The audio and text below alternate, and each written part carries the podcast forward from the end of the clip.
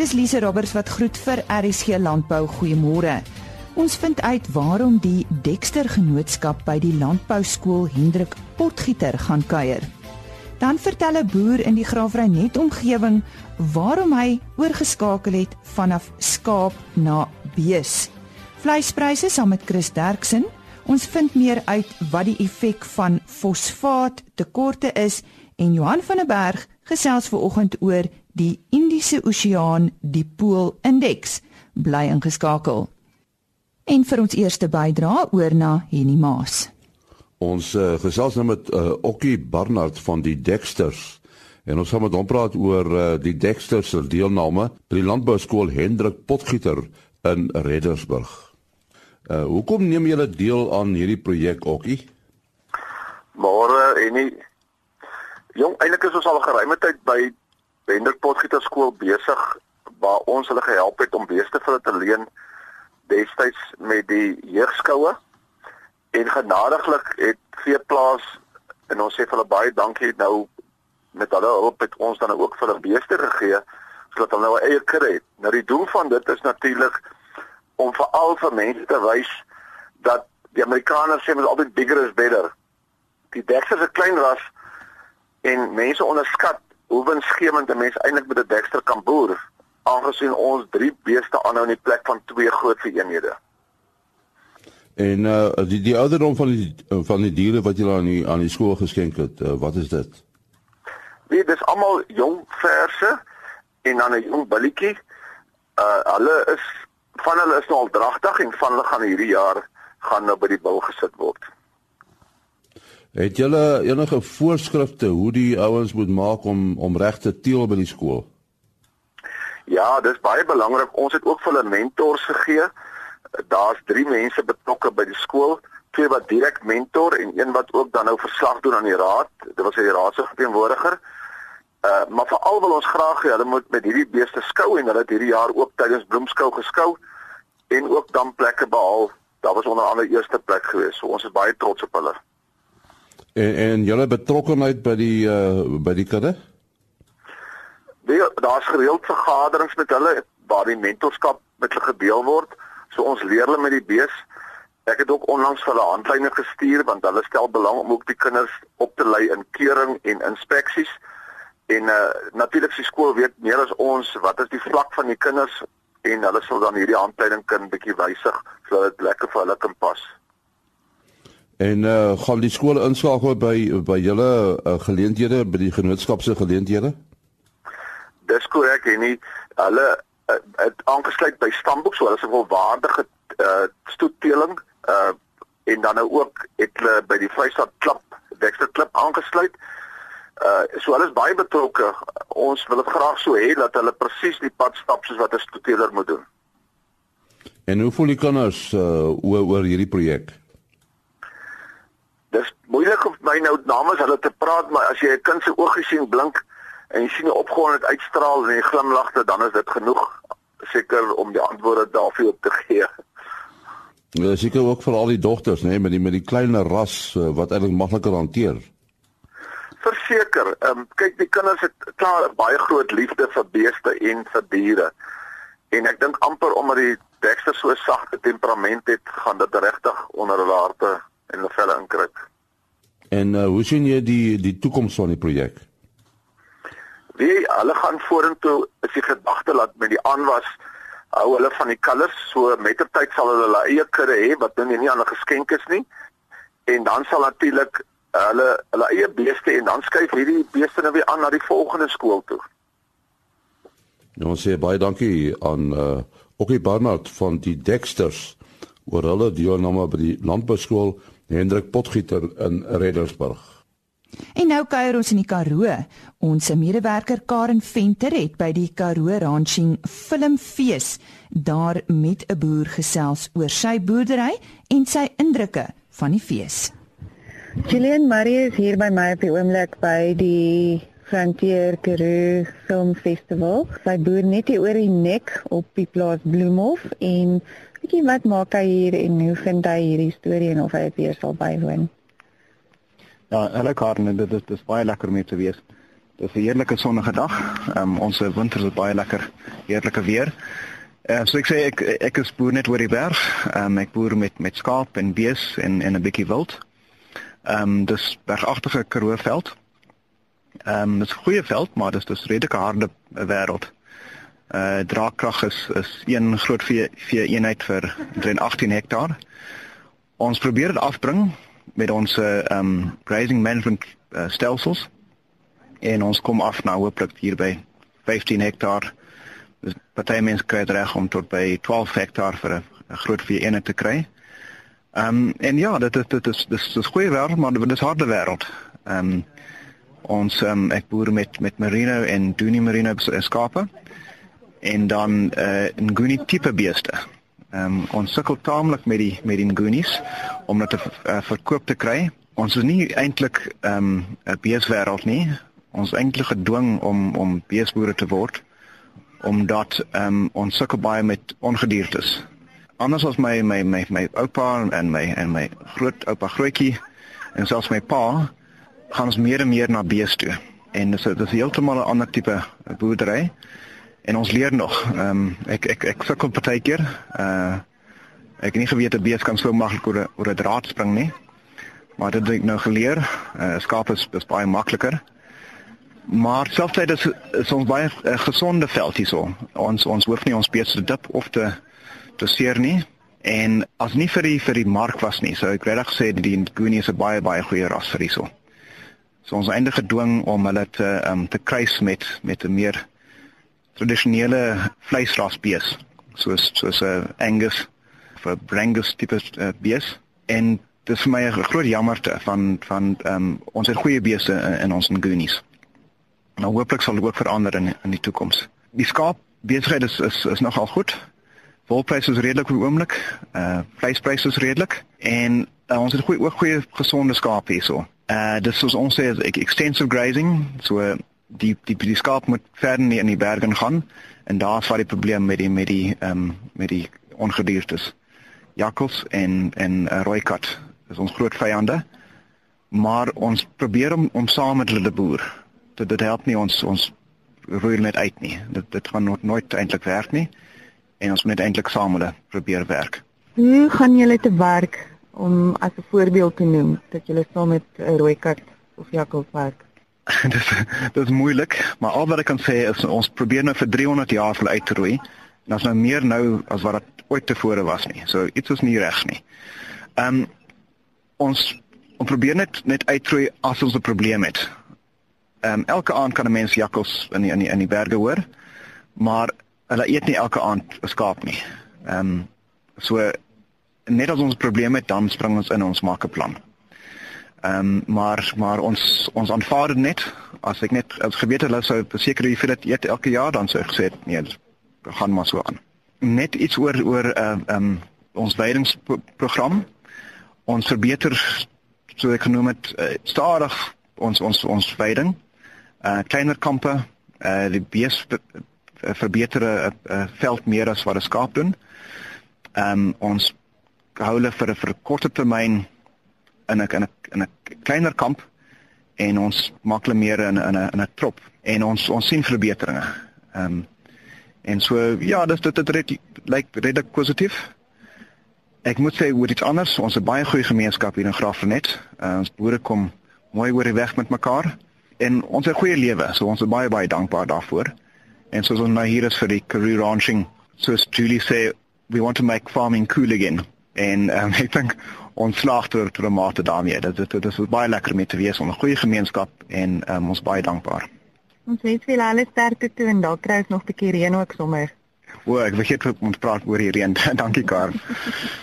Karen Venter wat daar gesels het met 'n boer van die Graafrenet omgewing, Julian Murray oor na Chris Derksen vir vleispryse vanaf veilinge in die Noord-Vrystaat en die datum van die veilinge was Dinsdag 4 Julie. Speenkalvers bly baie skaars en hulle word van heinde en ver aangery na die voerkrale. Presiese pryse: 200 kg en onder R37.50. Speenkalvers van 200 tot 250 kg R36.21 en oor 250 kg R33.19. A-klasse R26.50, B-klasse R22.08, vetkoeie R21.59 en maarkoeie het gewissel van 17 tot R18.50 per kilogram. Slagbulle R23 presies. En dan vanaf die skaapmark stoorlam R39.01, vetlam R33.22, maaroeie R25.15 en vetoeie R25.08. Indien ons van enige verdere hulp kan wees, skakel maar enige tyd na 08280 75961. Baie dankie. Die stem daarvan Chris Derksen. Natuurlike grasweidings in die grootste deel van Suid-Afrika is vir die grootste deel van die jaar gebrekkig in fosfaat, met fosfaattekorte wat veral akuut is in die winter.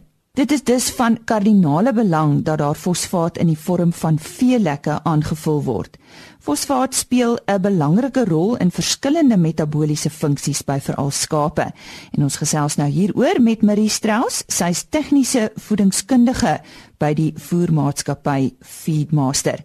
Marie, waarom is daar so 'n groot tekort aan natuurlike fosfaat in Suid-Afrikaanse veld? Goeiemôre. Wel, Suid-Afrika het grond met lae fosforvlakke wat lei na weerwyding met lae fosforvlakke. Sanderige veld en veld met muurshope is geneig om fosforarm te wees. En kalkgrond is weer hoog in kalsium wat weer teen fosfor werk en die absorpsie daarvan verminder. Suid-Afrika is ook geneig om water te hê met hoë kalsium, natrium en ystervlakke en dit werk teen die absorpsie van fosfor wat in die veld is. Hoe weet 'n boer wanneer sy skape 'n tekort aan fosfaat het? Is daar enige tekens?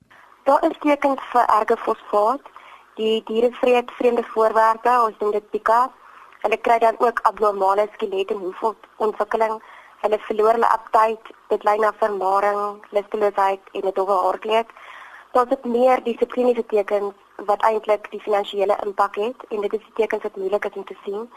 Marginale tekort aan fosfaat lei na swak vrugbaarheid met ongereelde hittesiklusse verlaging in melkproduksie, immuniteit en speenmassa. En ehm um, hierdie simptome vir te bring boere se wind op en hulle gaan nie maklik weet of daar tekort is nie tensy hulle hierdie syfers meet nie.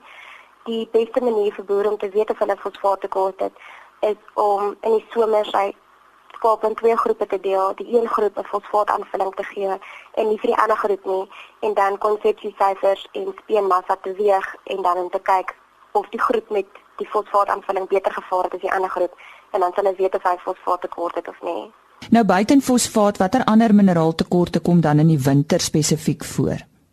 Fosfaattekorte kom eintlik dwars deur die jaar voor, maar in die winter en die droë maande moet dit met proteïen aangevul word. Fosfaat het proteïen nodig om opgeneem te word. En in die somer en die groen seisoene is daar genoeg proteïen in 'n natuurlike weiding vir die fosfaat om opgeneem te word.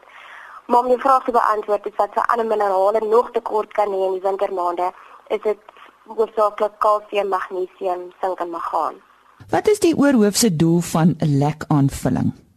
Die sêding is dat 'n goeie lek aanvulling moet 'n aanvulling wees wat die dier se dieet en nie spesifiek toepas nie. 'n Goeie lek sal die roene mikrobes aktiveer sodat hulle beter die grasse van die weiding kan verteer en op die einde van die dag gaan die diere meer gras eet en meer nutriënte uit die gras uitkry en dit gaan daad positiewe reaksie in in liggaamsmassa veroorsaak. Nou ons is nou al eintlik in die winter deur die herfs, maar uh, daar kan ons nou maar praat oor volgende jaar se herfs. Watter lekprogram moet tydens herfs gevolg word? As die grasse nog baie mooi groen is na jou reën somerreenseisoen, byvoorbeeld as ons 'n laat somerreënval gekry het, is dit net nodig om 'n soutfosfaatlek aan te val. Ehm um, wanneer die grasse begin droog raak, dan moet ons 'n proteïen by gaan sit, soos ek sê om daai fosfaat ook ehm um, op te kan neem en dit sal 'n basiese tipe noemole winterlek wat jy kan gee vir jou diere en dit sal daai behoeftes aan daai behoeftes voldoen. En in die winter? In die winter sal dit nou ook weer 'n winterlek wees. So ek sê wanneer die gras lekker droog is en dan wanneer ons nou aan die einde van ons winter beweeg en die grasse raak min en droog, dan gaan ons tesame met die fosfaat en proteïene 'n energie ook met bysit en dit sal dan tipies 'n produksie lek moet wees. Nou produsente weet ek is dikwels nie ten gunste van lekke nie. Hoekom dink julle so? Ai, dis 'n moeilike vraag om te vra. Ehm um, ek kan nou net dink en ek dink dat boere oor die algemeen dink dat aanvulling duur is. En as jy gaan kyk na 'n voljaarlikse lekker gram vir 'n ooi, kan dit al kos tussen 170 tot 300 rand per ooi per jaar en dan kry sy elke liewe dag lek. En um, vir my die voordele van goeie lammers en herkomsepsie moet definitief daai kostes kan regverdig. Boere is ook in onder die indruk dat lek elke dag uitgegee moet word. Ehm um, dit is natuurlik die ideaal van kry jy nie dat te veel lek in die lekplekke lê en hulle kan ooreet en iedereen vergiftiging kry nie. Maar 'n lek kan net twee keer in die week uitgegee word nog en nog steeds goeie resultate behaal. Ehm um, die derde ding waaraan ek kan dink is dat iedereen vergiftiging ehm um, ook altyd die boere afskrik van aanvulling gee. Ehm um, en dit gebeur baie keer as diere sout honger het, so daar's ons die duimreël weer om 'n soutfosfaatlek vir diere te gee 7 dae voor jy vir hulle uriumlek uitgee en dan kan jy hulle sout honger so stil en um, en dan kan hulle dan vroeg jy daai kant vir uriumvergiftiging. Nou ons verneem goeie gehalte lekke hou baie voordele in op die lange duur. Wat is hierdie voordele? Mineraaltekorte verskil van plaas tot plaas en van kamp tot kamp en dwars deur die jaar. En al is die tekorte nie so ernstig nie, besef ons nie altyd wat se effek hierdie tekorte op vrugbaarheid en immuniteit van ons diere kan hê nie. In die suide van Namibië was dit nou vir 4, 5 jaar lank droogte. En hier aan die einde het die boere my vertel hoe lam die oeye hulle uit die droogte uit. Ehm um, oeye loop met drielinge en ek het 'n foto gesien van 'n ooi met 'n vierling. So is oor net nooit gewoonlik lek gegee het nie. Toe kom hulle nooit agter van die mineraaltekort in hulle omgewing nie, want dit was marginaal. En toe hulle hier in die droogte maande vir die diere moet lek uitgee, toe skiet die oeye se vrugbaarheid deur die dak. So mens besef nie altyd van daai korte tekorte nie en dit is die voordele wat wat aanvulling vir ons inhou. Strategiese lekaanvulling selfs in tye van voldoende veiding weet ek hou ook voordele in waarom. Hierdie vraag laat my eintlik by by die vorige vraag. Daar's altyd een of ander minerale tekort. En wanneer die veld groen is, is dit geneig om dit oor te druk dat sy vir jou baie lammers kan gee, meerlinge kan gee en ons druk ons lammers sodat hulle vinniger kan groei en dat hulle vinniger kan bemark en sodoende put ons maklik hulle mineraalreserwes uit. Oor minerale ook iets is wat diere opbou in die bene en dan stelselmatig weer gebruik. So met ehm um, 'n strategiese lekaanvulling kan ons seker maak dat ons 'n gereelde hittesiklus het. Dit is lamme sterkers dat sy goeie melkproduksie lewer, dat die diere goeie immuniteitstelsel het. En met 'n strategiese lekaanvulling kan ons verseker dat 'n ooi vir jou elke jaar 'n lam gee en ons kan mik vir 3 lammers in 2 jaar. So ou het nie verskoning om 'n lamseisoen oor te slaan en om 'n passasier op jou plaas te wees as jy strategiese lekker aanvulling gekry het nie. Die tegniese voedingskundige by die voermaatskappy Feedmaster, Marie Strauss. Weer waarhede saam met Johan van der Berg.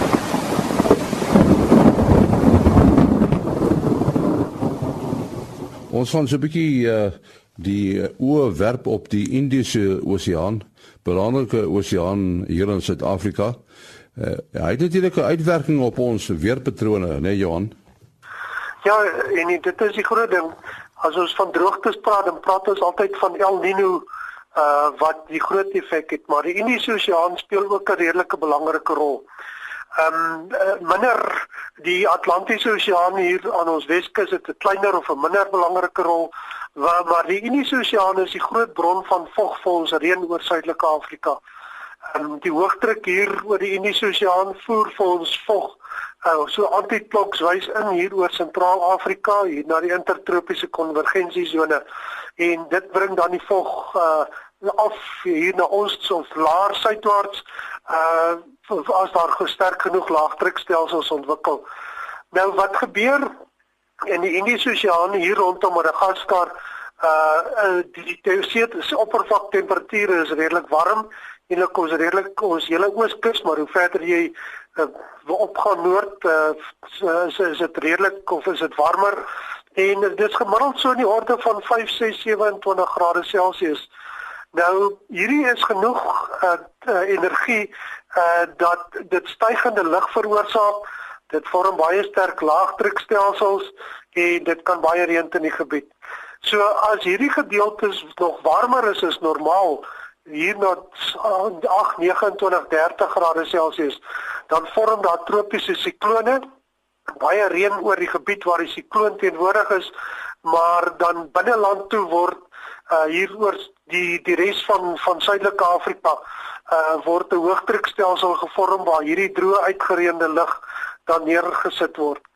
Ehm um, die temperature hier uh, in die Indiese Oseaan wissel ook soos uh, in die Groot Oseane en wat baie keer gebeur is hierdie oscillasie wat ontstaan as dit warm is hier teen ons kusgebied die westelike Indiese Oseaan daar's dit koeler in die meer oostelike gedeeltes van die Indiese Oseaan en uh, nader na Australië en Suidoos-Asië en dit het 'n invloed op ons op die die die bo liggende weerstelsels So as dit warmer is na Australië se kant toe, dan is die tropiese siklone en die baie sterk laagdrukstelsels meer na daardie kant toe en dan omgekeerd.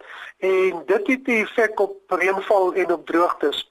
So wat baie keer gebeur is uh as die as uh, die see temperature hier nader aan ons kuslyn warmer is of die sogenaamde positiewe deel van die Indiese Oseaan dipoolindeks vorm dit siklone en as daar dan weer terselfdertyd ook 'n El Niño teenwoordig is, is dit gewoonlik of in baie kere wat daar ramptoestande voorkom uh, of rampdroogte toestande. Nou dit het ook 'n effek as uh, as die Oseaan byvoorbeeld in 'n negatiewe fase is. Dit wil sê die tropiese siklone is nader aan aan Australië en hier is wel El Niño, dan versag dit die effek van El Niño hier oor Suidelike Afrika. Dit kry ons baie keer dat ons nie 100% goeie verband het uh, met die die uh, El Niño en droogte toestande nie, want die Indiese Oseaan speel dan 'n rol hiermee. So die probleem met hierdie Indiese Oseaan is dat die voorspelbaarheid van hierdie indeks, die Indiese Oseaan dipool indeks, is baie swakker as die van El Niño. So ons kan maar omtrent 'n paar weke vooruit met meer sekerheid sê wat gaan gebeur. Uh, dit is baie meer vloeibaar uh, as uh, in die Stille Oseaan waar die El Niño is. So ons sal maar moet sien eers hierdie seisoen waarin ons nou ook is wanneer dit gaan verander. En 'n mens moet ook onthou die groot effek van die Indiese Oseaan is rondom die midsomer gedeelte. Hier November, Desember, Januarie, Februarie en Maart. Dit is ook die tropiese sikloonseisoen en uh, dit is dan ook ons groeiseisoen waar afwykings in reënval baie groot effek op ons produksie kan hê. So van die Alino gepraat, jy het laas gesê dat dit lyk of hy verswak. Is dit nog die geval? Uh elke week vanaf April verswak dit. So daar's omtrent maar so 30% kans dat El Niño nog gaan voorkom. Uh die oorwegende voorspelling is nou vir neutrale toestande uh wat meer 'n normale reënvalpatroon behoort te gee mits die Indiese Oseaan dan saamspeel en nie ook in die positiewe indeks of in die positiewe sy van die indeks gaan wees nie. Johan van der Berg van Santam Landbou. Dankie Annie en hy Johan van der Berg het vandag gesels oor die Indiese Oseaan dipool indeks en volgende week kan jy uitsien na nog 'n aflewering van weerwaarhede. 'n Opgedateerde sonneblomsaad persaanleg is onlangs in Noordwes in bedryf gestel en om meer hieroor te vertel die hoofuitvoerende beampte van Epco, Jacques van die Kerk. Jacques verduidelik die woord opgedateer en gee geskiedenis van hierdie aanleg. Goeiemôre Lize, ja baie dankie. Aanvanklik is die aanleg in 1997 opgerig en NWK het 'n aantal jare dit as 'n filiaalbedryf. Daarna is die aanleg oorspronklik was die aanleg 'n sonneblomaanleg, maar ons het ook soms mieliekiem gepars. In 2014 het Louis Dreyfus betrokke geraak. Hulle is 'n internasionale maatskappy wat omtrent 100 lande in die wêreld betrokke is. Hulle het 50% aandele in Epco bekom. Ons het toe besluit dat ons die aanleg uh, nie uitsluitlik is of uitsluitlik as 'n sonneblomaanleg sal hê en om op te gradeer en in 2016 weer in bedryf te stel. Ongelukkig is 'n groot deel van die aanleg in 'n brand in Oktober 2015 verwoes. En dit het gemaak dat ons nou eers in 2017 weer in bedryf gestel kon word. Jacques, hoeveel ton sonneblom sal hierdie aanleg nou hanteer en as ons hiervan praat, is dit dan net in die Noordwes provinsie? Lise, die naamplaatkapasiteit van ons aanleg is 600 ton sonneblomsaad per dag. As ons dan 365 dae jaar sou pers, sou ek 220 000 ton sonneblomsaad per jaar kan pers. Die afgelope 5 jaar se gemiddelde opbrengs in die Noordwes-provinsie is net 120 tot 140 000 ton. As Etco dus op volle kapasiteit pers, behoort ons 'n omgewing van 100 000 ton saad per jaar van die Vrystaat provinsie en ander provinsies in te voer. Wat is die tipe produk wat Epco vervaardig en en wat is die begrote hoeveelhede? Jong, 'n gemiddelde sonneblomsaad het omtrent 36% sonneblomolie daarin. As Epco dus 600 ton per dag vervaardig, behoort ons so 6500 ton olie per maand te vervaardig. Ons kan ook dan omtrent 7400 ton sonneblomoliekoek vervaardig. Ons sal ons olie voorsien aan verfyningsaanlegte langswyd terwyl die sonneblomoliekoek na veevermaatskappe versprei sal word. Nou ons het hierdie begin so bietjie hieroor gepraat. Dit is 'n gesamentlike onderneming. So wie is almal betrokke? Dis dit is korrek. Ons het twee aandeelhouers. Epco ehm um, word besit deur NWK en dan Louis Dreyfus Company. Die voordele wat ons daaraan het is dat Epco by NWK se graanhantering spesialiste baie kan leer terwyl LDC ondervinding in internasionale kommoditeitsverhandeling na die tafel toe bring. Nou volgens die verklaring wat ek gekry het, is dit die modernste aanleg in Suider-Afrika. Waarna verwys julle in in daar's ook 'n paar hoogtepunte wat jy met ons kan deel? Ja, Lise, die ons is bevoorreg dat ons die nuutste toerusting uh, en tegnologie in ons aanleg ingesit het. Die meeste van ons toerusting is ingevoer van Europa, Brittanje en Indië. Net om 'n voorbeeld te gee, um, een van die tegnologiese verbeteringe wat ons het is om die stof wat in 'n produksieproses vrygestel word te minimaliseer deur dit nie in die atmosfeer in te blaas nie, maar dit self weer op te vang.